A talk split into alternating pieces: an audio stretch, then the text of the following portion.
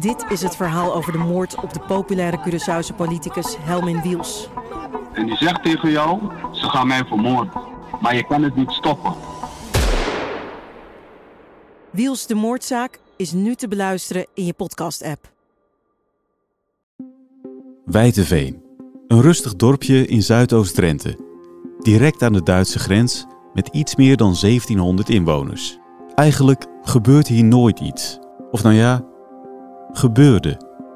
Want in januari van dit jaar is Wijteveen opeens landelijk nieuws. Twee doden bij opmerkelijk geweldsincident in Drentse Wijteveen. En dan een drama in Drenthe. Twee doden, filmpjes. Hij Die... heeft geschoten, gestoken en geslagen. Dus hij heeft echt letterlijk hem afgeslacht.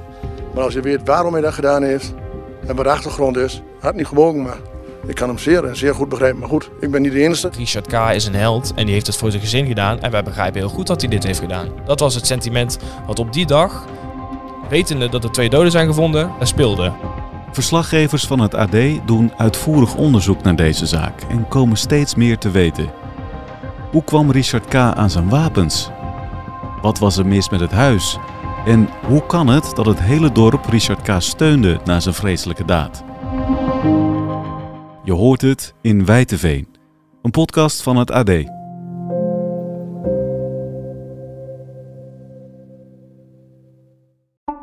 Dit is het verhaal over de moord op de populaire Curaçaose politicus Helmin Wiels. En die zegt tegen jou, ze gaan mij vermoorden. Maar je kan het niet stoppen. Wiels de moordzaak is nu te beluisteren in je podcast-app.